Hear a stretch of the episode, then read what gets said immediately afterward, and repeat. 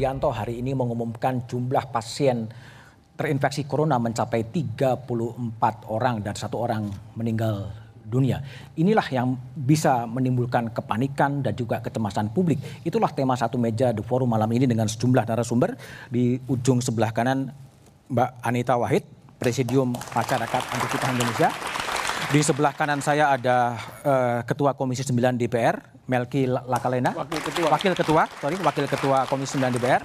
Di sebelah kiri saya ada Bang Saleh Daulay, jadi anggota Komisi 9 DPR. Dan uh, di sebelah kiri saya ada uh, jurnalis senior dan juga pemimpin redaksi IDN Times, Mbak Uni Rubis. Malam, Mbak Uni. Kemudian uh, di ujung sebelah kiri ada Toto Suryaningtas, peneliti dari Litbang Kompas. Kami juga masih menunggu perwakilan dari kantor staf presiden yang akan uh, bergabung nanti.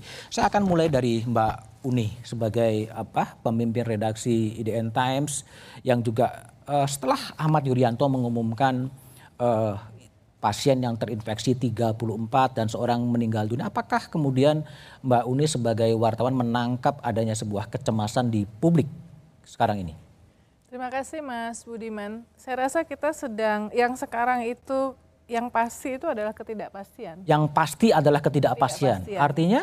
Karena memang eh, meskipun kita belajar dari apa yang sudah terjadi sejak ketika eh, eh, informasi tentang wabah ini mulai kita dengar Desember 2019. Okay. Kemudian tanggal 20 Januari eh, eh, internasional sudah mulai menganggap bahwa ini isu yang harus uh, diwaspadai. Hmm?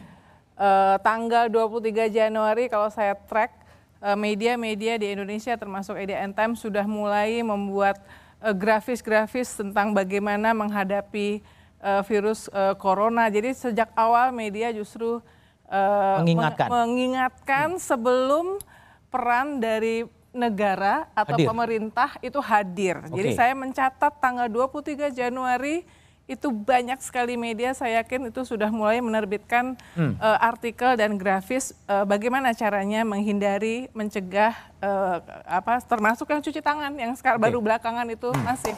Jadi uh, sementara uh, negara pada saat itu lewat statement dari Menteri Kesehatan sama sekali tidak memberikan uh, apa namanya uh, rasa aman dan hmm? nyaman ya. Uh, misalnya tentang bagaimana sih sebetulnya kemampuan eh, kita, pemerintah kita melakukan misalnya proaktif tes. Kemarin pemerintah eh, Amerika mengumumkan dia bisa melakukan tes kepada 75 ribu. Oke. Okay. Ya, kita nggak pernah tahu. Nggak pernah tahu. Nggak pernah tahu kita hmm. ini punya kemampuan tes berapa. Hmm. Eh, pemerintah Korea Selatan, pemerintah Singapura melakukan proaktif tes. Mereka lebih bagus ketahuan lebih banyak yang dites bahkan Korea Selatan melakukan drive thru supaya justru me, apa namanya kalau misalnya ketahuan itu melo, eh, melokalisir. Melokalisir. Tahu. Jadi hmm. lebih bagus pemerintah Singapura um, lebih bagus dia menaikkan statusnya dari uh, waspadanya dari kuning ke orange hmm. justru untuk menjangkau lebih banyak. Ini Sementara artinya gini, sebetulnya enggak. memang ada denial terlebih dahulu dari pemerintah menganggap enteng atau apa sehingga kelihatannya agak agak tergagap, agak terlambat mengantisipasi ini?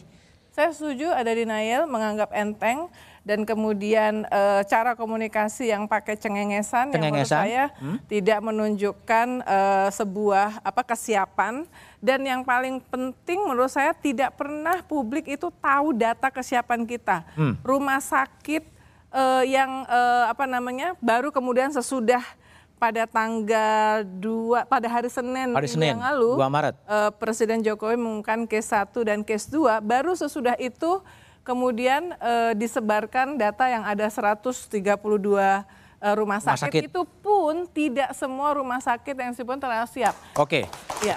Oke, okay. baik.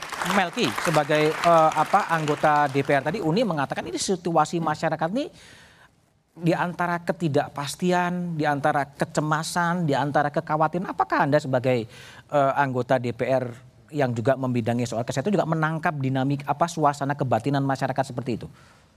Pada saat uh, kasus pertama yang uh, direspon publik luar biasa kan ketika ada terduga dianggap suspek corona itu di gedung BRI. Masih kita ingat pada saat itu dikosongkan okay. satu gedung ya kami bersyukur pada saat itu sorenya ada pertemuan dengan DJSN, BPJS dan lain-lain, ada hadir juga Menkes.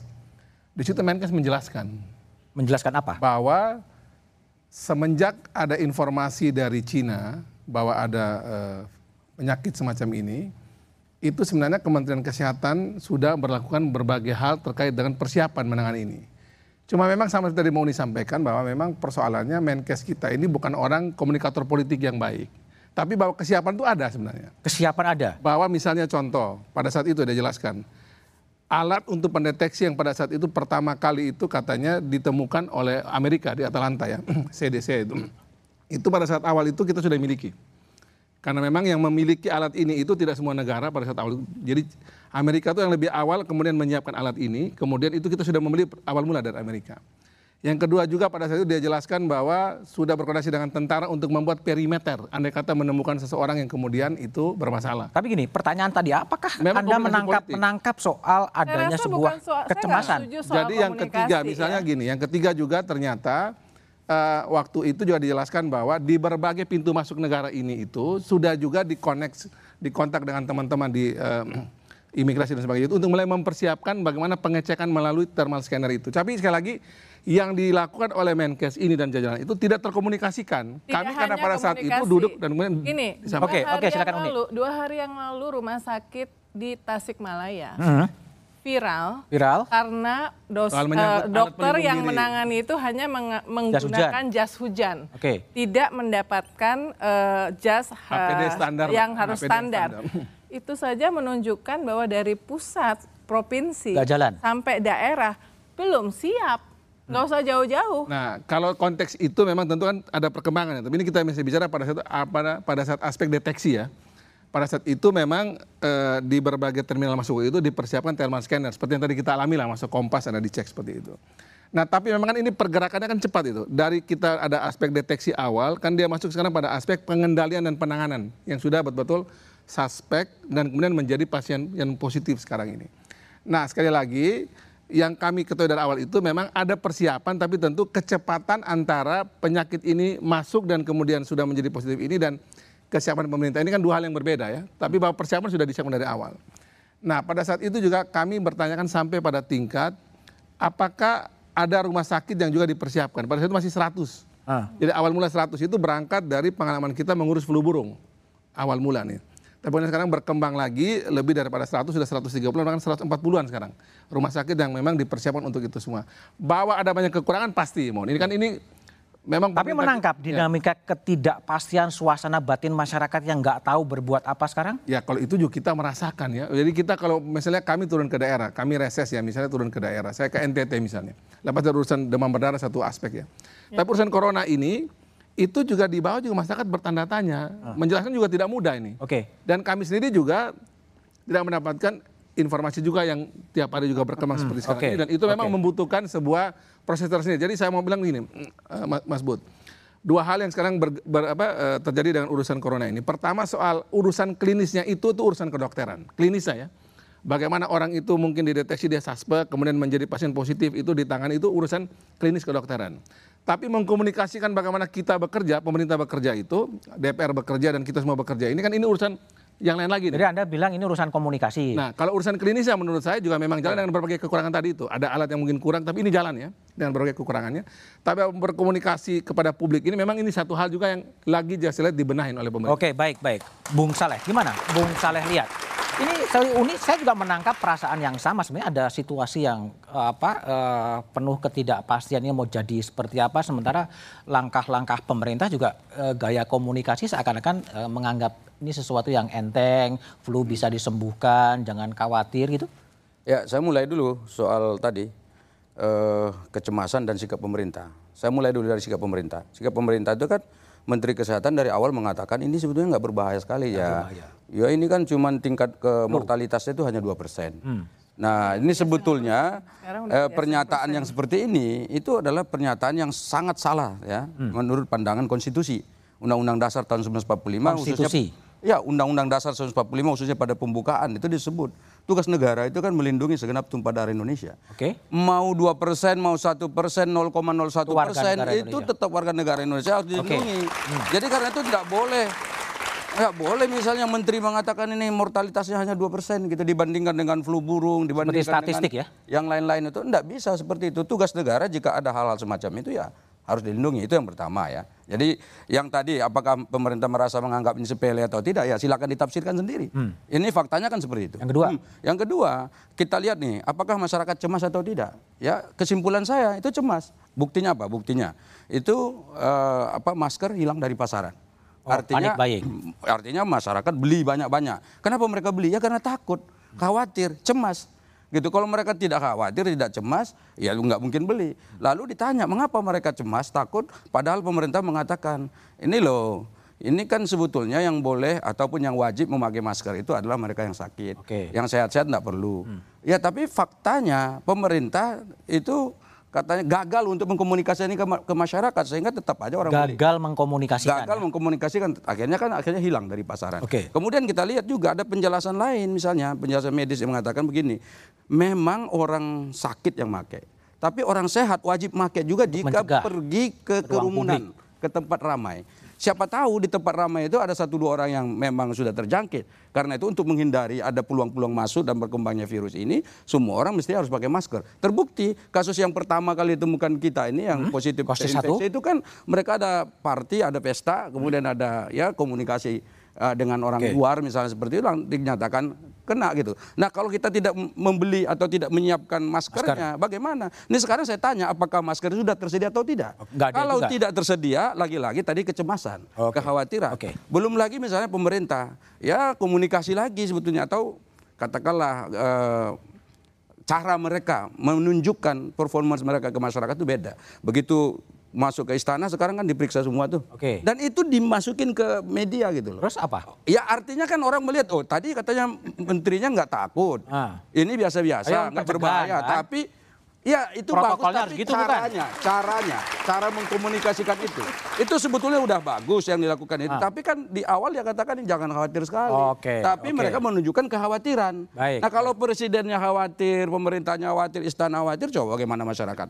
Apa kita paksa mereka khawatir? Okay. Kemudian satu lagi pak, ini soal masker tadi kembali ke masker, jangan dilarang juga orang beli masker itu. Nggak ada undang-undangnya melarang orang beli masker dan pakai masker. Okay. Kalau mereka khawatir ya silakan saja dipakai. Jangan-jangan okay, mereka merasa adem, tenang kalau pakai masker. Oke, okay, baik. Mbak Anita Wahid. Jadi kalau dari sisi yang kan Mbak Anita kan memantau hoax ya yang terjadi.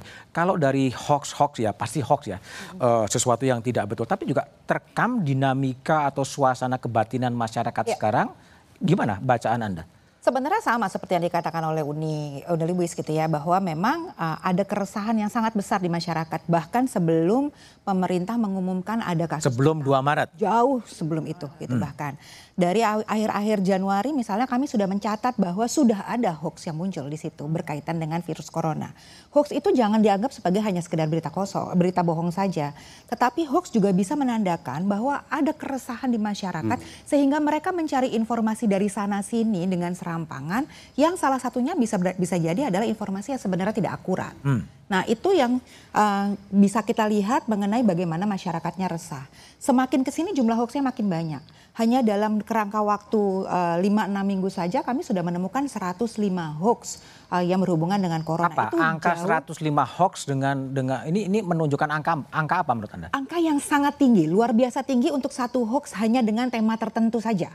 Biasanya tinggi. angka sebegitu itu angka sebulan untuk semua itu hoax, tema. Hoax 105 itu hoax dengan berbagai variasinya atau apa? Hoax khusus corona dengan oh. berbagai macam variasinya. Okay. Tidak semuanya berkaitan dengan kesehatan. Ada hmm. yang misalnya dikaitkan dengan keagamaan. Hmm. Misalnya uh, karena uh, permasalahan suku Uighur. Yeah. Terus kemudian ada lagi yang dikaitkan dengan uh, permasalahan uh, xenofobia gitu atau yeah. makan babi dan hmm. seterusnya. Hmm. Itu ada juga yang kaitannya kayak gitu. Tetapi sebagian besar adalah hoax-hoax yang membuat masyarakat berusaha mencari jawaban akhirnya muncul dengan imajinasi-imajinasi liar yang dituangkan dalam bentuk hoax. Artinya kekosongan ruang publik itu kosong diisi oleh pemerintah sehingga semua kemudian membuat tafsirnya sendiri-sendiri?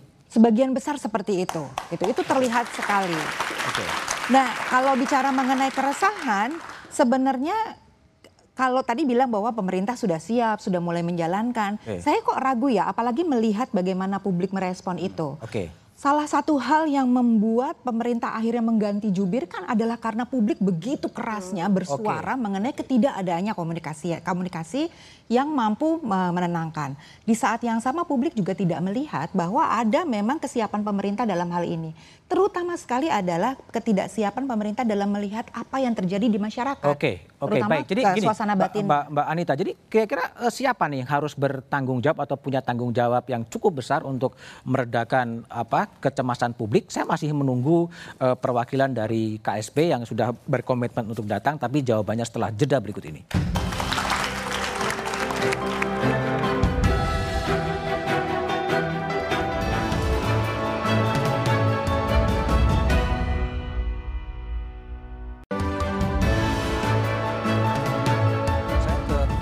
Ningtyas, uh, Litbang Kompas yang baru saja melakukan jajak pendapat soal bagaimana persepsi publik soal corona. Gimana? Apakah uh, di, di apa hasil jajak pendapat menunjukkan apa ya yang tertangkap keyakinan masyarakat terhadap pemerintah bisa menghandle uh, corona atau seperti apa?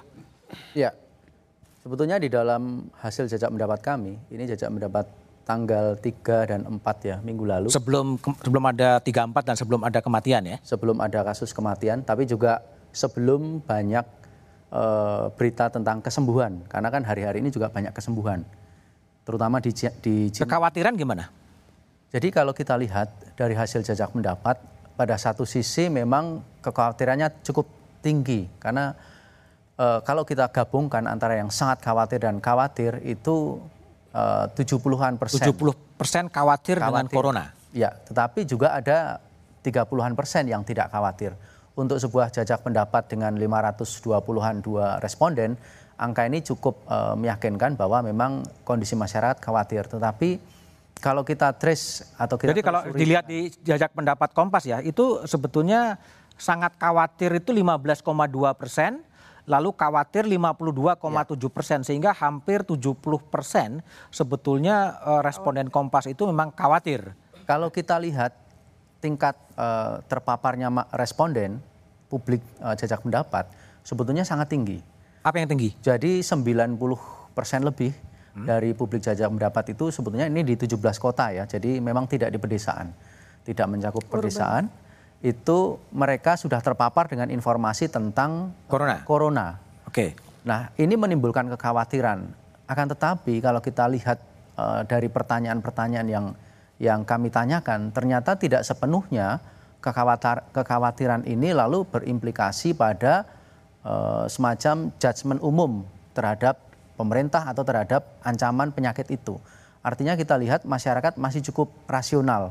Mana yang memang dia harus khawatir, mana yang dia masih bisa hmm. antisipasi. Contoh, misalnya soal gejala dari penyakit ini. Gejala dinyatakan oleh mereka secara umum adalah demam dan terutama batuk. Kemudian apa yang mereka lakukan? E, paling banyak sekitar 40-an persen lebih itu menyatakan upaya untuk melakukan itu adalah cuci tangan dan menjaga kebersihan. Artinya publik sudah tahu apa yang harus dikerjakan. Pada satu sisi ada kesan demikian. Akan tetapi kalau merunut pada hasil jejak pendapat ini seminggu yang lalu, ada 40-an persen yang tidak tahu. Jadi ketika kita tanyakan apakah mereka sudah tersosialisasikan dengan baik tentang penyakit corona ini ada 40 persen yang belum sama sekali okay. dan yang membahayakan itu adalah 40 persen lainnya sekitar 45 persen itu mendapatkan informasi sosialisasi tentang corona ini dari medsos. Oke, okay, dari medsos ya. Oke, okay. saya saya telah ter, uh, terhubung dengan Ali Muhtar Ngabalin, tenaga ahli utama dari kantor staf presiden. Selamat malam, Bung Ngabalin. Malam, Pak Ngabalin. Selamat malam, Bung. Ya, Pak Ngabalin. Bisa ikut bergabung dalam uh, meskipun lewat penuh dengan satu meja the forum. Ini publik merasa khawatir sebetulnya dengan apa uh, penanganan virus corona yang dilakukan oleh pemerintah. Gimana Bung Ngabalin menanggapi kekhawatiran publik ini? Ya, yang pertama uh, arahan Bapak Presiden ya seperti yang kita tahu bersama bahwa uh, dari Departemen Kesehatan Bung Ahmad uh, Yuryanto Yuryanto sekarang uh, tetap setiap hari ada di kantor Presiden, di kantor staf Presiden dan menyampaikan terus informasi-informasi day to day terkait dengan uh, perkembangan yang terjadi dengan virus corona ini. Karena itu memang uh, Bapak Presiden memberikan uh, sampaikan kepada kami dan terus kepada seluruh jajaran kementerian dan lembaga bahwa ada pemerintah, ada negara. Okay. Akses kelembagaan, akses kelembagaan juga disiapkan oleh oleh oleh pemerintah dan negara dan demikian hal juga dengan anggaran yang tersedia untuk uh, memberikan pelayanan dan secepatnya terhadap uh, semua masyarakat atau beberapa orang yang saat ini terjangkit uh, virus corona. Apa, tapi begini, pertanyaannya adalah apakah memang kemudian sekarang KSP ditempatkan sebagai pengendali penanggulangan krisis corona itu? Tidak, yang pasti bahwa kantor staf presiden sebagai uh, delivery unit Hah? yang bisa berdasarkan peraturan uh, presiden, presiden mengeluarkan perpres untuk men memposisikan kantor staf presiden sebagai delivery unit untuk bisa meneruskan, mempercepatkan semua kebijakan-kebijakan pemerintah atau presiden yang terasa hambat dalam rangka memberikan pelayanan kepada masyarakat. Kalau dalam kasus penanggulangan corona, sebetulnya siapa yang menjadi panglima penanggulangan corona itu? Iya, ini jadi begini.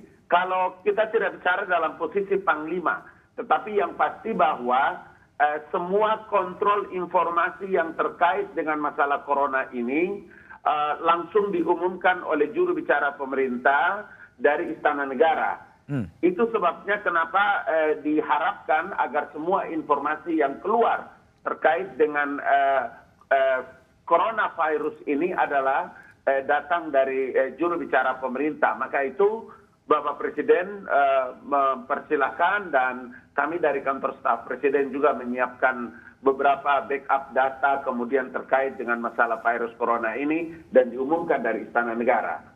Yang menjadi yang memegang komando untuk mengendalikan Kementerian A mengerjakan apa, Kementerian B mengerjakan apa. Ini sebenarnya siapa? Berada pada posisi mana? Oh, ada dari Istana Negara. Dari Istana Negara. Karena itu memang Bapak Presiden juga menunjuk Bapak Muldoko untuk melakukan koordinasi setiap jam, setiap hari. Seperti tadi juga tiga kali rapat untuk bisa me memberikan informasi yang terus menerus kepada masyarakat agar tetap waspada dan menjalankan protokol-protokol yang telah disiapkan, umpama protokol kesehatan, protokol eh, eh, komunikasi, protokol perbatasan dan lain-lain untuk bisa masyarakat itu mendapatkan informasi resmi dari negara dan pemerintah. Demikian, Bang. Pak Muldoko ini hanya apa semacam mengkoordinasikan komunikasi informasi atau pengendalian Panglima TNI harus ngapain, Kementerian Kesehatan harus ngapain dan lain sebagainya atau atau gimana persisnya? Iya, untuk dan atas nama Presiden.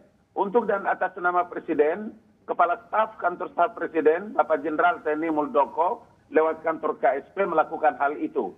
Karena itu uh, bisa memanggil uh, semua menteri atau kepala lembaga dalam rangka penanganan uh, uh, coronavirus ini, Bang.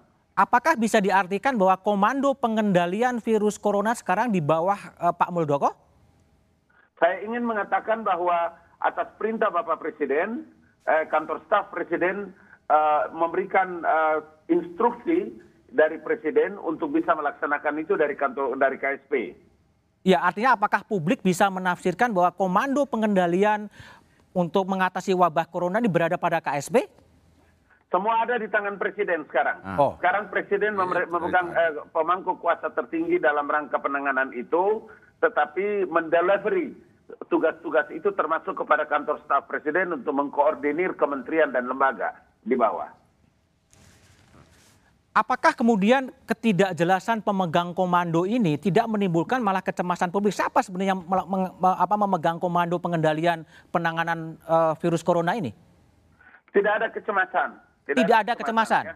Tidak ada kecemasan. Kemudian karena itu berkali-kali memang Bapak Presiden menyampaikan bahwa uh, waspada itu penting dilakukan hmm? dengan protokol-protokol yang dilakukan mengenai kesehatan kemudian informasi, komunikasi, kemudian di perbatasan seperti di bandara kita juga menyampaikan semua itu kontrol semua dilakukan perintah instruksi langsung dari Bapak Presiden. Jadi saya ingin mengatakan bahwa uh, informasi termasuk yang disampaikan oleh juru bicara pe pemerintah untuk menangani virus corona ini oleh Pak Ahmad Yuryanto agar tetap kita punya tanggung jawab yang sama, opinion leader, media, semua tokoh, parlemen member dan lain-lain, termasuk Kompas TV. Okay. Kita punya tanggung jawab bersama untuk terus menyampaikan kepada masyarakat bahwa ada negara dan ada pemerintah. Dengan begitu maka kita tidak boleh panik, kita tidak boleh cemas. Okay. Karena pemerintah hadir selalu untuk bisa menangani masalah ini. Bung Ngabalin, apakah pemerintah menempatkan wabah dari corona ini sebagai sebuah bencana non alam? Ya, apa pun alasan, Bung ya, apa pun alasan yang pasti bahwa hari ini bukan saja Indonesia yang mengalami uh, virus uh, corona ini, tetapi kita tahu seperti di Italia itu kan 87 persen uh, semua pekerja dirumahkan. Okay. Kemudian seperti di Korea 58 persen, demikian juga seperti di beberapa negara yang lain. Karena itulah maka uh, seberapa berat pun hari ini pemerintah hadir dan okay. uh, negara tetap hadir untuk bisa memberikan pelayanan maksimal dan terus mengingatkan kepada masyarakat agar masyarakat tetap waspada. Tapi kita tidak boleh panik. Tidak Itu boleh panik. Oke, oke, okay, Bung ya. Ngabalin tetap stay. Saya Bung Mbak Uni, kalau uh, apa uh, eh, KSP memandang tidak ada kepanikan dan uh, pemerintah tetap hadir, nggak usah ada kepanikan, pemerintah siap sebetulnya. Saya rasa uh, pemerintah memang hadir pertama ketika kemudian memutuskan evakuasi uh, dari uh, Wuhan, Wuhan, kemudian uh, dua kapal pesiar. Hmm. Jelas di situ pemerintah hadir dan ada koordinasi di antara beberapa menteri ya. Uh, kemudian tadi saya setuju ada termo termo thermal scan di di apa namanya di bandara dan juga disuruh ngisi formulir uh, kertas kuning itu meskipun kita nggak tahu orang ngisinya benar atau enggak. Nah, tetapi kalau dari protokol-protokol yang diterbitkan sesudah tanggal 2 Hmm? Jadi uh, uh, Bung Abalin tanggal 3 ini Pemret-Pemret ya. diundang oleh Pak Muldoko. Ya. Ya, di situ uh, memang pertemuan tertutup, tapi saya rasa jawaban Pak Muldoko tentu saya nggak akan sampaikan, tapi saya boleh menyampaikan hmm. apa yang disampaikan, yang saya sampaikan ya. Uh, jelas waktu itu saya mengkritisi soal tidak adanya protokol komunikasi. Contohnya, kenapa itu uh, ada buktinya? ketika kemudian dan ini saya sampaikan malam harinya ketika Pemda juga dikumpulkan oleh empat menteri termasuk Menteri Kesehatan dan di situ saya ya. sampaikan ya. kepada Menteri Kesehatan bahwa yang ya. pertama kali menyebutkan kata Depok itu adalah Menteri Kesehatan dan di Istana Negara sesudah jumpa pers Presiden mengumumkan case 1 dan 2 dan karena Menteri Kesehatan menyebut Depok lalu kemudian eh, jurnalis media Datang. mencoba untuk mencari konfirmasi ke wali kota Depok yang ternyata fortunately un unfortunately nggak paham bahwa nggak boleh mengumbar data pribadi dari pasien. Nah itu menunjukkan bahwa sejak kita mulai harusnya bersiap di awal Januari 2020, tidak ada protokol komunikasi dari pusat sampai gubernur, hmm. sampai wali kota, sampai bupati, misalnya bahwa tidak boleh mengungkap data pribadi pasien. Jadi um, kalau saya melihatnya pada Tapi kan ada perbaikan kan Uni sekarang udah pakai sesudah itu sekarang dua, sudah tiga, ada empat, nah sesudah itu di itu ada termasuk usulan ya, dari kami-kami ya, ya. Hmm. Jadi it's good bahwa usulan. Nah, kemudian yang kedua soal tidak hanya soal juru bicara satu juru bicara yang kemudian ditunjuk oleh uh, presiden, tetapi bagaimana website itu adalah harus update, canggih. Kita bilang waktu itu baik dalam pertemuan dengan Pak Muldoko maupun dengan empat menteri nggak usah jauh-jauh deh, tiru Singapura aja. Hmm. Kita bisa tahu kok update-nya. Jadi masyarakat tuh nggak harus nunggu jubir, tapi dia setiap saat dia bisa akses itu. Uh, Jadi masih website. penuh dengan kekurangan ya sebenarnya pemerintah sekarang? Sudah ada perbaikan, perbaikan. sesudah masukan. Okay. Yang heavy masukan okay. uh, termasuk okay. dari uh, media kepada hmm. pemerintah secara langsung dalam pertemuan tertutup. Tetapi belum memuaskan karena kita melihat gini, sekarang okay. ini kan publik punya perbandingan. Hmm ini kan kita ini kan punya perbandingan bagaimana pemerintah Indonesia, pemerintah kita menangani, lalu bagaimana pemerintah Singapura. negara lain, okay. termasuk Singapura dan Korea Selatan menangani. Jadi ini kita tidak hidup di ruang yang tertutup, di mana publik seperti nggak punya pilihan. Oke. Okay. Bagaimana melihat? Baik, silakan, Bung Ngabalin. Jadi masih ada ada apa titik lemah yang disarankan oleh Uni Lubis soal transparansi, soal website yang tidak terupdate. Gimana Bung Ngabalin merespon itu? Itu eh, terus terang saya berikan apresiasi yang luar biasa. Terus terang saya memberikan apresiasi yang luar biasa kepada Mbak Yuni dan para Uni Lubis. Para Pemret, ya, ya. Mbak Yuni Uni Lubis. Kemudian, tetapi kalau memang masalah Depok kemarin itu, itu kan benar sekali, benar sekali. Tetapi hmm. masalah Depok itu kan terkait dengan eh, wawancara dalam posisi eh, di mana warga Indonesia yang yang uh, terpapar atau te, diduga terjangkit dengan virus corona. Hmm. Jadi sebetulnya kalau kita setback sejenak, ada dialog panjang yang tentu tidak bisa kita ungkapkan dalam waktu yang sangat singkat ini. Tetapi saya setuju bahwa ada protokol dari komunikasi yang memang kami buat, kami buat, tetapi pada waktu itu memang kita tidak membangun satu satu komunikasi yang paling penting terkait dengan bagaimana menyampaikan ini kepada publik. Itu sebabnya, itu sebabnya pada waktu kami membuat uh, protokol komunikasi itu uh, Bapak Presiden memerintahkan untuk segera menarik uh, juru bicara pemerintah dalam menangani virus corona Pak Ahmad Yuryanto ini melangsung dari istana hmm. dan dalam uh, koordinasi KSP. Saya terima kasih Mbak Uni ya, terima kasih. Oke, baik. Saya ke Mbak uh, Anita. Ini tadi Anda lihat uh, tadi ada 105 uh, eh, hoax ya, ya yang yang beredar. Itu modelnya seperti apa? Sebenarnya uh, sebagian itu adalah yang berkaitan dengan kesehatan, tapi ada juga yang tidak gitu ya. Seperti misalnya dikait-kaitkan seperti tadi agama dengan politik, dengan uh, kebencian terhadap Cina dan kemudian ya pembentukan xenofobia dan lain-lainnya. Tetapi kalau kita breakdown lagi di antara kesehatan-kesehatan itu sebenarnya ada beberapa yang bisa kita lihat. Yang pertama adalah yang sangat tampak adalah bagaimana masyarakat itu tidak tidak menjadikan otoritas kesehatan sebagai sumber utama. Tidak uh, menjadikan otoritas kesehatan sebagai sumber Betul, utama. Tetapi sosial media yang sosial menjadi media. sumber utama. Oke. Okay. Itu terlihat sekali dalam misalnya uh, walaupun dengan derasnya uh, Kemenkes berusaha untuk menggalakkan mengenai cuci tangan dan segala macam, masih banyak sekali hoax-hoax yang beredar mengenai alternatif-alternatif pengobatan yang dianggap ampuh. Dan itu dibiarkan corona. Nah, ini yang menarik sebenarnya ya kalau kita bicara mengenai dibiarkan. Dari 105 hoax yang ada ini, kalau kita ngelihat bagaimana follow up terhadap hoaxnya, sebenarnya yang berkaitan dengan eh, follow up dari instansi terkait dan juga otoritas kesehatan itu hanya 27 persen. Yang gini, yang gini, kalau menurut menurut Mbak Anita dan juga nanti uh, Bung Gablin belum perlu merespon adalah siapa nih yang yang mengontrol ya, mengontrol dan meredam soal hoax yang berserakan itu sebenarnya di bagian mana? Apakah bagian Pak Yuri atau bagian Kominfo? Tapi jawabannya setelah jeda berikut ini.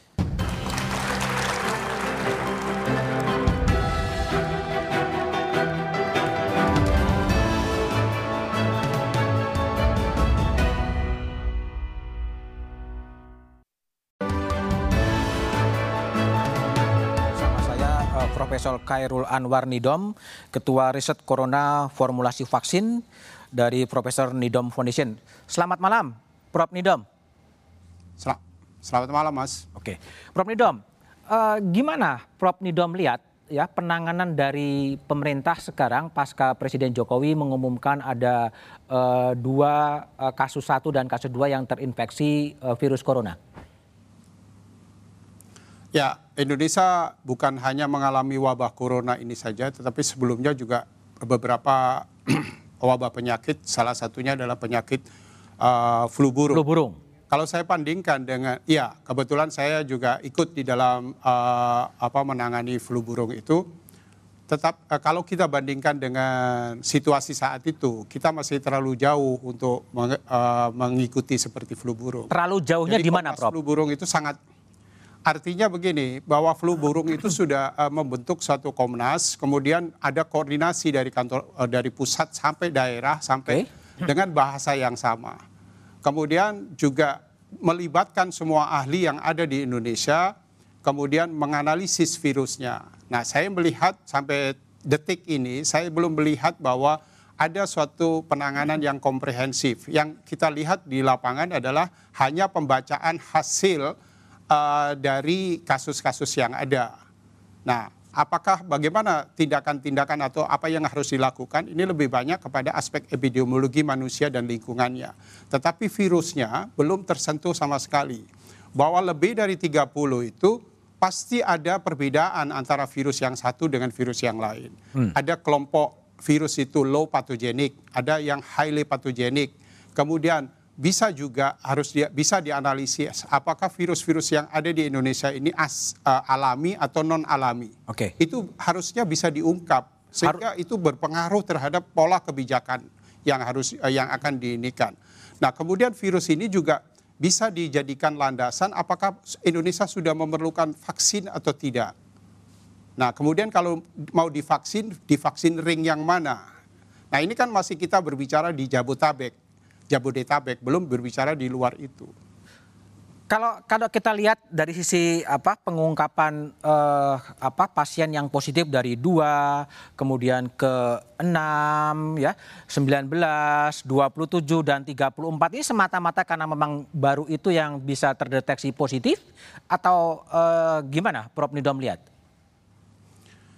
Uh, kalau saya melihat bahwa itu adalah puncak gunung es. Puncak coba gunung dilibatkan es. semua, iya, coba dilibatkan semua komponen uh, laboratorium yang ada. Jangan hanya terpusat pada laboratorium Kemenkes saja atau okay. beberapa saja. Okay. Tetapi semua komponen yang ada di Indonesia dilibatkan, termasuk juga laboratorium yang selama ini menya, menyana, menangani penyakit-penyakit hewan juga bisa mempunyai hmm. kemampuan untuk itu.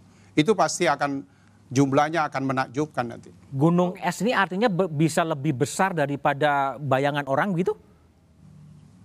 Iya. Karena virus ini adalah uh, andalan utamanya adalah kecepatan dia menyebar. Kecepatan dia menyebar. Bukan transmisinya. Iya, ya. bukan bukan pada patogenisitasnya, bukan daya bunuhnya, tetapi kecepatan dia menyebar. Nah, yang kita identifikasi selama ini adalah virus-virus itu ada di mana untuk hanya diidentifikasi bahwa nanti sebagian besar akan sembuh ya karena itu memang karakter dari virusnya. Boleh nanya nggak? Sebentar, apakah kemudian ini juga bisa apa bisa memberikan gambaran memang memang publik menjadi cemas karena memang perbedaan penanganan ketika flu burung lebih tersentral, lebih jalan dan sekarang lebih apa lebih, lebih tidak jelas komandanya atau gimana, Prof Nidom? Ya, kita diberikan semboyan, mari kita memerangi uh, virus corona. Oke. Okay. Nah, corona yang mana yang akan kita serangi? Itu. Ini kan belum ada identifikasi virus itu. Yang ada itu adalah cuma diagnostik okay. terhadap oh, seseorang menderita apa ditempeli virus atau tidak. Ah. Belum ada identifikasi dan karakterisasi dari virus yang me, yang ditemukan 30 sebanyak lebih dari 30 itu. Kalau sar, saran saran Prof Nidom apa? Sekarang apakah memang kelembagaannya ditata ulang dengan membentuk semacam komisi nasional seperti flu burung eh, 2006 atau gimana? Ya, uh, karena saya melihat di Komnas waktu flu burung itu sudah tertata rapi, sudah okay. menghasilkan SOP-SOP sampai ada hitungan-hitungan bahwa berapa kuburan yang harus dihitung, apa disiapkan, berapa rumah sakit yang harus disiapkan. Bagaimana uh, dengan daerah-daerah yang seperti di daerah jauh dari ibu kota? Nah kemudian termasuk juga penyiapan rumah sakit. Apa memang betul di Pulau Galang itu sangat diperlukan? Bagaimana kalau ada penderita dari fak-fak misalkan, hmm. apa harus dikirim ke Pulau Galang? Okay. Nah ini kan uh, perlu koordinasi secara baik antara pusat, daerah, dan sampai pada tingkat kabupaten. Oke, oke, baik. Saya ke kembali ke Bung Ngabalin. Bung Ngabalin, ini ada ada problem soal koordinasi dari pusat ke daerah yang belum berjalan gitu, dan juga apa pemeriksaan pemeriksaan uh, swab itu ditarik ke Litbangkes sehingga memang uh, tidak tidak baru itu yang terdeteksi gitu. Tidak, ada dua hal yang tadi uh, Profesor Nida menyampaikan itu uh, instruksi Bapak Presiden kepada Menteri Dalam Negeri, kemudian dengan Menteri uh, Pendaya Aparatur Negara terkait dengan penanganan uh, coronavirus dari di kabupaten, provinsi dan kabupaten kota. Itu sebabnya ada dua hal yang dilakukan. Yang pertama kami kemarin telah melakukan uh, peninjauan dan melihat lapangan terkait dengan kemungkinan-kemungkinan akan mempersiapkan rumah sakit lapangan Dan yang kedua besok itu sekitar jam 9 uh, uh, Pulau Galang menjadi tempat yang ditetapkan oleh Bapak Presiden dalam jangka waktu antara 3 sampai 4 minggu ini akan kelar selesai dibuat.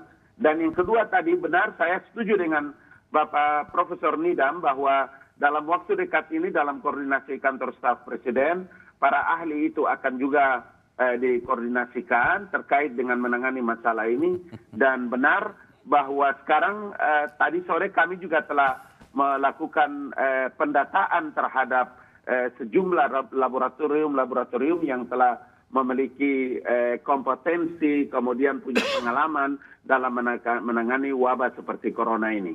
Tadi uh, Bang Bang Abalin, tadi uh, Pak Prof Nidam juga mengatakan rumah sakit di Pulau Galang nanti memang semuanya akan disentralkan ke Pulau Galang. Kalau ada orang pasien dari Fakfak, dari Manado gitu akan ke sana gitu? Apa perlu? Oh iya, jadi begini, jadi begini. Pulau ini kan karena sekarang pulau kalau seperti Pulau Galang, Pulau Galang ini kan ditetapkan oleh pemerintah, tetapi ada inter, in, eh, keputusan Menteri dalam eh, Menteri Kesehatan terhadap 147 rumah sakit yang saat ini dipersiapkan oleh pemerintah dengan fasilitas-fasilitas yang insya Allah dia memiliki standar WHO dan standar internasional demikian juga dengan rumah sakit lapangan untuk memberikan pelayanan langsung hmm. dan cepat kepada uh, warga negara atau masyarakat yang kena uh, coronavirus ini. Dengan begitu maka dua hal yang muncul. Yang pertama itu adalah tidak menimbulkan kepanikan okay. dan yang kedua tetap waspada karena negara dan pemerintah menurut Bapak Presiden kami selalu hadir dengan okay. akses kelembagaan dan anggaran yang disiapkan oleh negara. Oke, okay, baik, Bung Mbak Uni. Ini gimana? Tadi kan kalau saya, saya pengen nanya ke kalau misalnya tadi Profesor Nido masih ada ya. Ada ada karena, masih ada. Karena uh, kasus yang uh, nomor 25 yang meninggal dunia menurut informasi dari rumah sakit uh, di Bali yang uh, menangani itu spesimennya memang dikirim uh, ke Litbangkes. Oke. Okay. Padahal uh, seingat saya sesudah Presiden mengumumkan case 1 dan 2 Kemudian sehari berikutnya juga sudah ratas diumumkan bahwa ada 10 lembaga ah, yang uh, yang yang, bisa, yang bisa melakukan. Hmm. Nah, ah. tapi ini kok masih kelit bangkes. Hmm. Jadi kalau justru pertanyaan saya kepada Prof Nidom, uh, apakah memang uh, kita cuma bisa melakukan tes itu di Litbangkes? Atau sebetulnya yang 10 atau berapapun uh, sebetulnya ada dan kira-kira ada di mana saja ya. Uh, mungkin Prof Nidom bisa memberitahu dan kepada uh, Bung Ngabalin, kenapa kok sampai hari ini sesudah diumumkan bahwa ada 10 okay. yang kita pikir bisa terlibat kok masih kelit bangkes lagi. Kenapa okay. gitu? Baik, Prof Nidom dan Bang Ngabalin jawabannya setelah jeda berikut ini ya.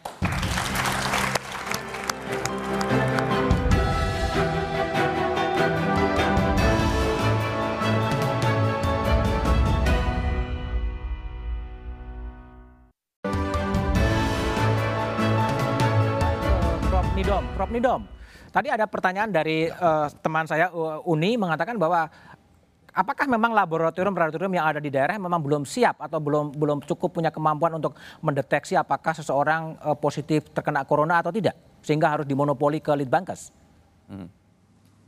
Kita secara teknis itu tidak ada problem untuk identifikasi itu karena kita sangat berpengalaman di dalam identifikasi virus flu burung dan pada waktu itu kita tidak dibantu oleh siapa pun jadi artinya bahwa tidak ada alasan untuk uh, mengidentifikasi ini katakan mengalami kesulitan dan sebagainya. Kalau pasien itu di Bali, itu kalau mengikuti jalur dari Kementerian Kesehatan, di sana ada BBTKL yang sudah juga cukup maju uh, dari segi peralatan dan sebagainya. Kemudian ada teman-teman Udayana, ada juga dari BBVET yang ada di Sangla. Jadi sebetulnya tidak perlu dikirim lagi dulu ke surat apa ke Litbangkes karena itu hanya supervisi saja sebetulnya Litbangkes ke masing-masing daerah sehingga terjadi percepatan di dalam pengujian.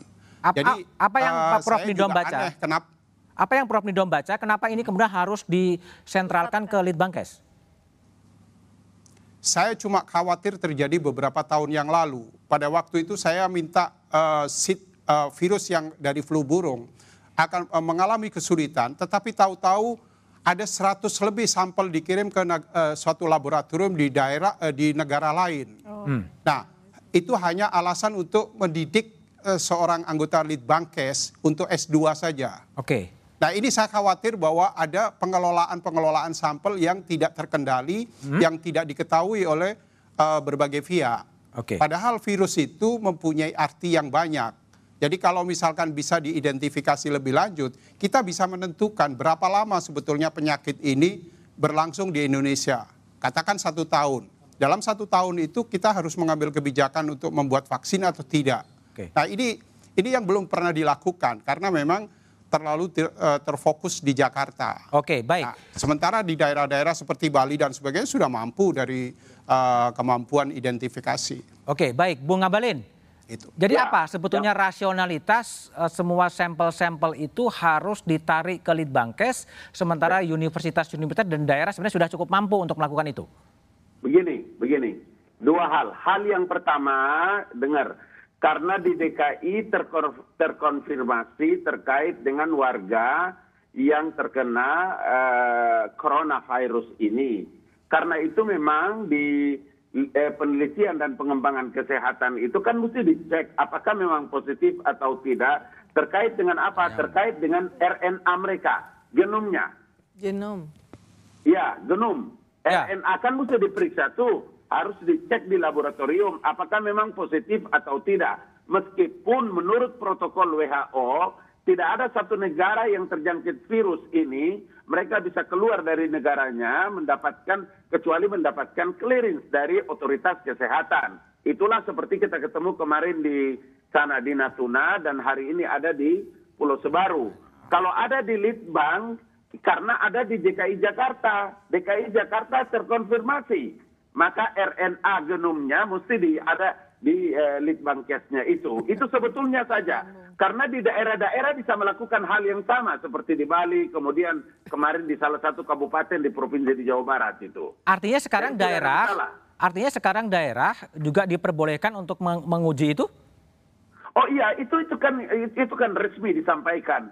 Karena di semua uh, universitas maupun di rumah sakit rumah sakit itu yang memiliki laboratorium yang yang memiliki standar kemudian bisa mendeteksi terkait dengan RNA dan genom mereka. Jadi dalam hal ini tidak tidak tidak dipusatkan.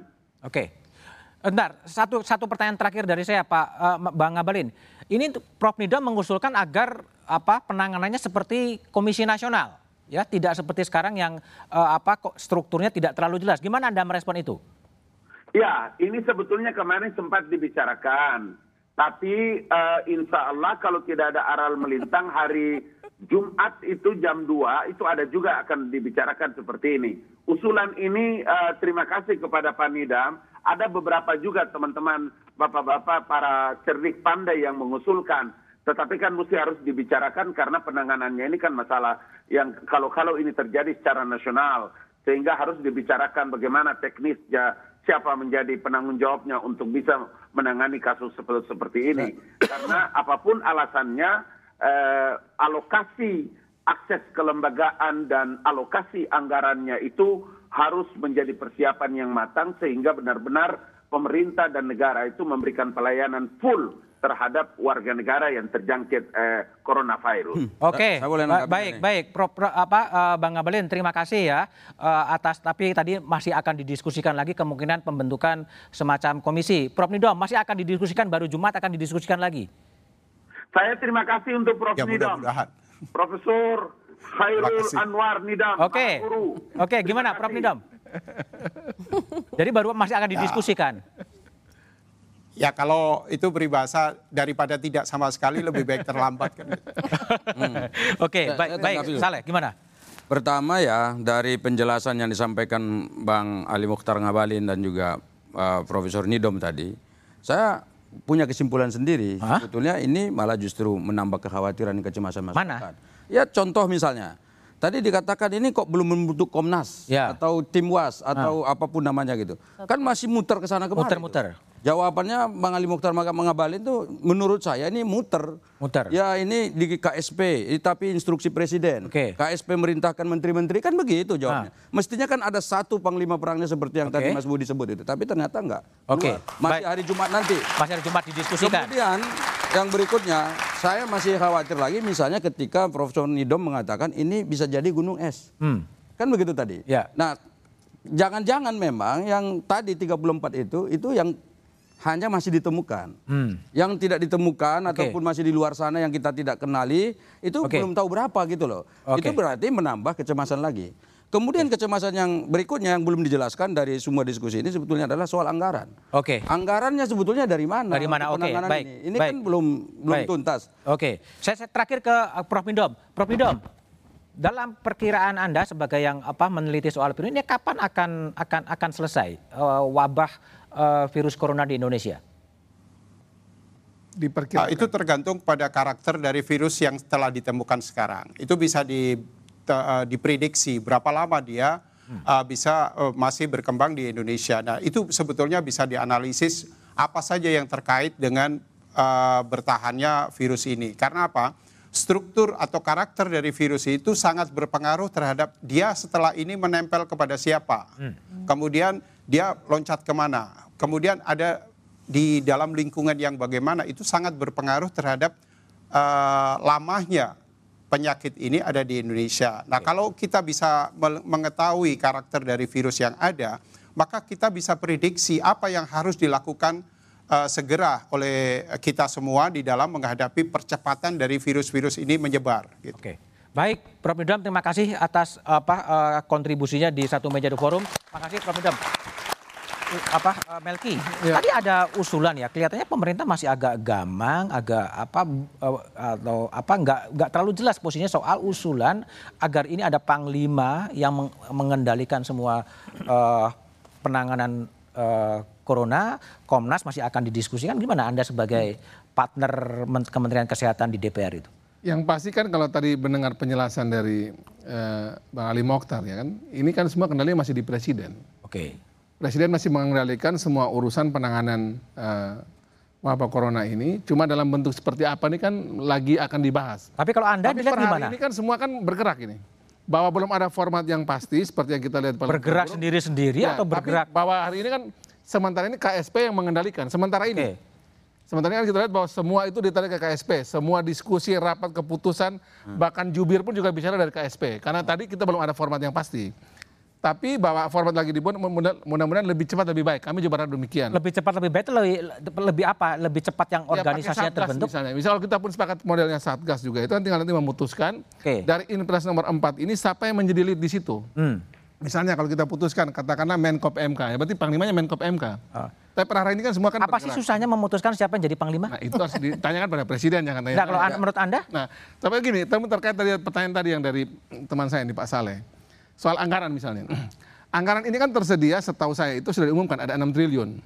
Itu dana dari BNPB tersedia untuk penanganan eh, wabah ini. Oh salah. Jadi. 6 triliun ini 6 triliun itu namanya dana siap pakai. Saya tahu persis itu. Ya, makanya itu kan sudah itu diumumkan bukan kemarin. hanya untuk corona. Menko Menko PMK Itu bukan hanya corona, Menko semua PMK semua Menko bencana PMK itu. sudah menyampaikan bahwa ada tersedia dana 6 bencana. triliun. 6 triliun ini bisa dipakai, itu dananya punya BNPB bisa dipakai untuk penanganan wabah ini. Oke. Memang nanti yang akan menjadi pelaksana teknisnya adalah teman-teman di Kemenkes. Tapi ini pakai dananya punya BNPB. Oke. Nah, memang sekali lagi ini apa ya kita bicara mozaiknya itu ada, tapi memang ini belum dibuat utuh dalam sebuah gerakan bersama. Lambat ya? Kenapa? Kenapa? Nah, itu yang tentu jangan tanya ke saya. Ah. Kita mesti tanya kepada eh, panglimanya Pak Presiden Jokowi. Oke. Mudah-mudahan lebih cepat diputuskan sehingga yang tadi ini kita bicara soal meredam kecemasan publik ini bisa kemudian ketemu Oke, jalannya. baik. Jadi soal anggaran tadi Pak, saya potong sedikit. Memang itu ada 6 triliun, tapi itu namanya dana siap pakai. Dana siap pakai untuk Itu ya sebuah memang bencana. Di, itu di, Oke. di- itu di bendarawan negara itu dananya itu bukan di BNPB sebetulnya. Tapi jika ada bencana, Oke. memang itu bisa dipakai. Tapi bukan hanya Untuk corona. Bukan hanya corona. Oke. Itu satu. Kemudian yang kedua, yang aneh itu kan tadi ini jangan-jangan belum terbentuk tadi apa tuh Komnas Oke. atau tim was atau apa tadi itu justru karena mungkin anggarannya belum siap. Hmm. Nah saya mau katakan ini Ini kan yang aneh itu kan anggarannya belum dijelaskan berapa, totalnya Menteri Keuangan belum pernah kita dengar berapa sebetulnya yang sudah disiapkan untuk sementara ini untuk ini belum ada. Tapi tiba-tiba Menko Perekonomian sudah mengatakan nanti kita akan keluarkan paket stimulis perekonomian untuk mengatasi lagi ya? mandeknya okay. perekonomian kita satu triliun. Tapi itu okay. yang, yang, yang, yang okay. ini sudah disampaikan Pak. Enggak, Enggak yang satu triliun paket ini sudah disampaikan itu. bahwa ada anggaran yang disiapkan. Iya itu bukan disiapkan itu dana siap pakai memang sudah diketok dari sananya. Itu kan, Setiap tahun itu ada. ada bisa Bukan dipakai. hanya karena Oke. Okay. corona. Ya, baik. Tapi Bukan pertanyaannya adalah kalau memang nanti setiap tahun selalu ada. Bentar, Bung Saleh, kalau memang hasil dari Litbang Kompas itu sebenarnya publik juga udah ada keinginan agar dibentuk semacam satuan tugas agar ini terkoordinir. Tapi jawaban elaborasi Toto setelah jeda berikut ini.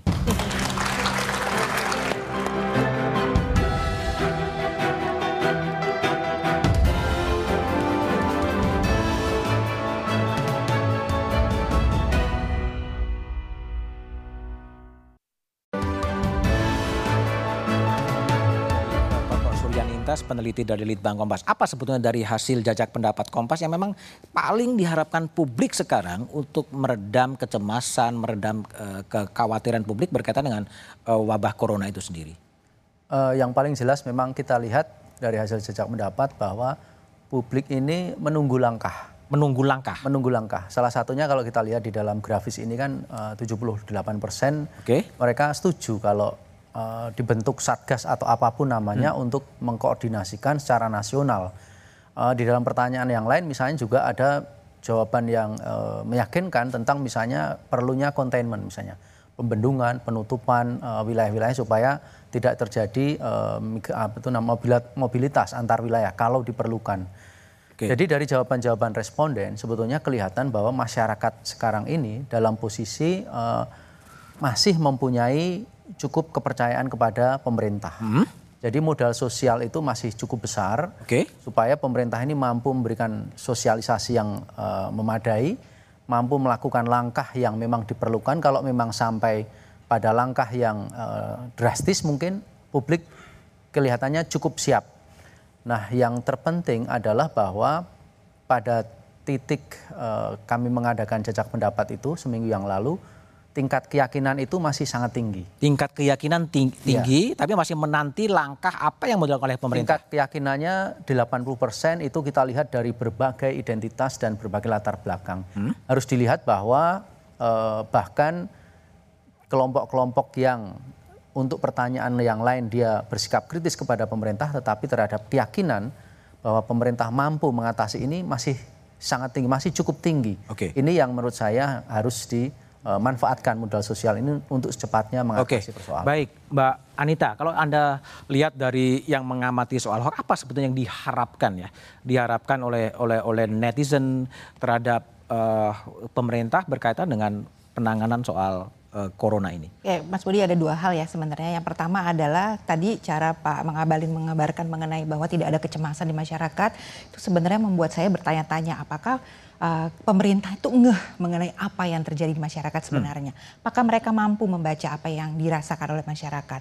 Dan kalau kita bandingkan dengan data yang dimiliki Mavindo, sebenarnya cukup konsisten karena dari 105 hoax yang berkaitan dengan corona ini hanya 27 persennya saja yang direspon dan diklarifikasi oleh pihak-pihak yang terkait. Hmm. Sisanya itu Dibiarkan. jauh lebih rendah dibandingkan 56 persen yang diklarifikasi oleh fact checkers jurnalis, fact checkersnya Mavindo dan seterusnya.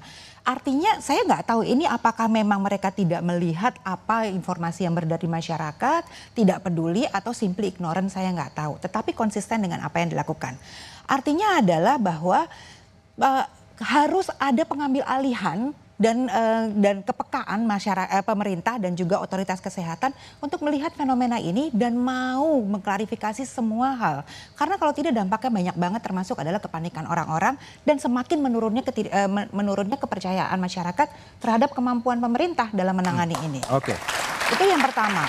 Yang kedua, Pemerintah itu sangat senang sekali mengatakan bahwa kami sudah melakukan ini, melakukan okay. itu, melakukan ini dan Jumat depan kami akan bicara mengenai itu, mendiskusikan ini, kami merencanakan itu. Tetapi saya tidak melihat bahwa pemerintah menjadikan apa yang ada di masyarakat sebagai tolok ukur mengenai efektivitas yang sudah dilakukan. Okay. Artinya mereka berpikir mereka sudah melakukan segala macam yang sudah dilakukan, tapi toh tidak berdampak pada menurunnya kecemasan di masyarakat. Oke, jadi nggak nyambung. Nggak nyambung sama sekali. Kalau pemerintah pemerintah mau rajin-rajin dan cukup peka melihat apa yang ada di masyarakat, sebenarnya publik itu sangat lantang okay. dalam mengatakan apa yang dibutuhkan. Mereka butuh informasi yang saat ini Pak Yuri cukup banyak memberikan, tetapi mereka juga butuh untuk uh, ada semacam security dari pemerintah bahwa memang ada langkah-langkah yang jelas yang dilakukan dan ini buat semua orang dan ada keamanan yang akan disediakan oleh pemerintah. Oke, baik, baik. Mbak Uni, jadi kalau Anda lihat sekarang apa yang harus diperbaiki dan harus dilakukan oleh oleh pemerintah ketika publik cemas, publik khawatir, publik menantikan situasi dalam uh, situasi uh, kondisi yang tidak pasti karena seperti itu. Apa yang harus diperbaiki? Saya setuju apa yang dikatakan oleh Anita. Jadi uh, mendengarkan dan kemudian jawab.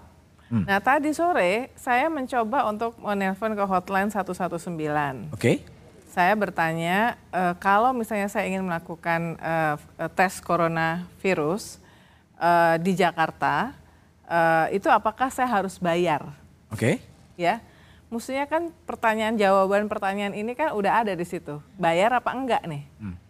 Jawabannya dari simbaknya adalah itu harus ditanyakan kepada rumah sakitnya. Okay. Kalau ibu mau, nanti saya kasih nomor telepon rumah sakit. Maksud saya itu sebagai hotline itu kan harusnya udah tahu policy ini kalau bayar atau enggak. Jadi ini hal-hal yang padahal diumumkan 119 ya. Jadi eh, kemudian yang yang ke rumah sakit eh, tim saya di Surabaya juga mencoba untuk tes di rumah sakit rujukan, rumah sakit Dr. Sutomo itu prosedurnya tuh panjang dan tidak dipisahkan antara yang mau tes corona dengan pada dia jelas-jelas bilang tes corona. Jadi ini adalah hal-hal yang menurut saya harus segera diperbaiki. Hmm. Selain bahwa soal sudah ada uh, protokol komunikasi. Vietnam itu sudah bisa tiap hari memproduksi tes. 10 ribu tes kit. Okay. Sehingga dia bisa menjangkau banyak orang. Apakah kita, kita Indonesia itu siap? Okay. Ini adalah beberapa pertanyaan dari mungkin puluhan pertanyaan yang ada di benak masyarakat. Okay. Terakhir aku pengen ngasih ngasih apresiasi juga sih. Uh, menurut saya ada menteri-menteri itu jalan sendiri. Nah, apa yang dilakukan oleh Menteri BUMN Erick Thohir menurut saya eh, Bagus, ya? inisiatif ya? yang baik okay. karena dia okay. langsung ngecek ke Kimia Farma 20 BUMN yang yang terkait dengan coronavirus Nah hmm. itu lagi-lagi itu kan kayak inisiatif menteri per sendiri. Oke, okay, baik. Bung Saleh, ini gimana? Anda sebagai apa anggota DPR, apa yang harus sekarang dikerjakan oleh pemerintah ketika situasinya seperti sekarang? Ya, pertama kan sebetulnya teman-teman yang terakhir ini malah justru kan menyimpulkan bahwa sebetulnya coronavirus ini kan banyak imported case. Imported Artinya case. datang dari luar ya. Hmm. Karena itu tentu pintu-pintu masuk Indonesia ada 135 pintu yang sekarang diawasi itu memang harus diperketat. Nah ini kan agak unik nih sebetulnya. Jadi virus ini kalaupun tadi dites itu, hmm? ya setiap orang masuk di tes itu belum tentu misalnya aman 35 misalnya suhunya terus masuk itu belum tentu aman sebetulnya. Aman. Karena kan masa inkubasinya lama dan karena itu ini tetap harus betul-betul ada saya kira harus ditemukan bagaimana caranya untuk memantau orang-orang masuk Indonesia itu yang pertama. Jadi yang kedua yang sekarang sudah katakan terpapar dan ada yang terinfeksi, menurut saya memang pemerintah harus membuktikan hmm? bahwa kita mampu untuk menangani ini, kita mampu untuk menyembuhkan mereka. Okay. Karena selama ini pemerintah mengatakan tidak pernah pemerintah mengatakan kita tidak siap. Hmm. Selama ini pemerintah mengatakan siap, karena kita siap berarti kita harus mampu menyembuhkan mereka, okay. mengembalikan mereka ke keluarganya dengan. Oke, okay, baik, Bung Melki, gimana anda uh, merespon masukan apa, apa pandangan sendiri ada pemerintah itu sendiri? Yang pertama terkait dengan soal menyangkut penanganan klinis, ini yang harus betul-betul disiapkan sampai level bawah. Karena ini menyangkut langsung pada pasien ataupun orang yang terkena. Karena ini yang paling mendesak ini. Jadi kalau kita punya Sulianti Saroso di Jakarta ini relatif ini menjadi tempat rujukan yang cukup baik ya. Penanganan yang sama, baik itu tenaga medis, alat pelindung diri dan berbagai protokol yang sudah dijalankan di Sulianti Saroso ini harus juga itu bisa kita dapatkan ketika kita turun ke daerah. Sehingga di daerah juga punya ketenangan bahwa standar yang kita buat di Jakarta ini sampai ke daerah pun sama. Ini satu soal klinisnya. Yang kedua terkait dengan soal bagaimana menenangkan publik. kan publik ini kan butuh keyakinan bahwa negara yang dikatakan Bang Ali Mokhtar tadi hadir itu betul-betul terlihat gitu. Dan itu kan dia akan Sekarang sampai melalui komunikasi kan, bahwa masih ada banyak kekurangan tidak bisa kita pungkiri. Tadi seperti Bang disampaikan tadi di Tasikmalaya dan sebagainya. Tapi bahwa ketika kita memberikan penerangan ini dengan baik sebenarnya publik juga bisa tenang. Nah memang menurut saya eh, penanganan berbasis komunitas saat ini menjadi sangat penting. Komunitas yang menurut saya paling bisa kita andalkan adalah sekarang ini adalah bagaimana Mendagri terutama melalui kekuatan yang dimiliki ini mengaktifkan RT RW-nya itu mengecek betul di bawah itu. Tapi belum Oh, sampai aktif. juga instruksinya ya. Ya kalau itu sudah dari kemarin kami sampaikan. Oke. Ketika Wapres bicara sertifikasi bebas corona itu kami lebih usulkan lebih baik aktifkan RT RW. Oke. Dia yang tahu warganya. Oke, Ngecek baik Bung Melki, Oh, satu Bung lagi. Anita, Satu eh, lagi, Bung Pak. Saleh, Bung Uni dan Eh, Mas- apa, Mas Budi, Toto. satu lagi aja boleh nggak? Keselamatan publik adalah agenda utama. Kons- Konsentrasi pemerintah harus diarahkan untuk secepat mungkin mengendalikan penyebaran wabah corona guna memberikan ketenangan masyarakat. Pola komunikasi yang penuh guyon dan cenderung mengentengkan masalah tidak tepat untuk meredakan kepanikan publik. Solidaritas nasional dan global perlu terus dibangun untuk mengendalikan corona. Demikian satu meja The Forum malam ini. Sampai jumpa pekan depan. Selamat malam dan terima kasih. Thank you.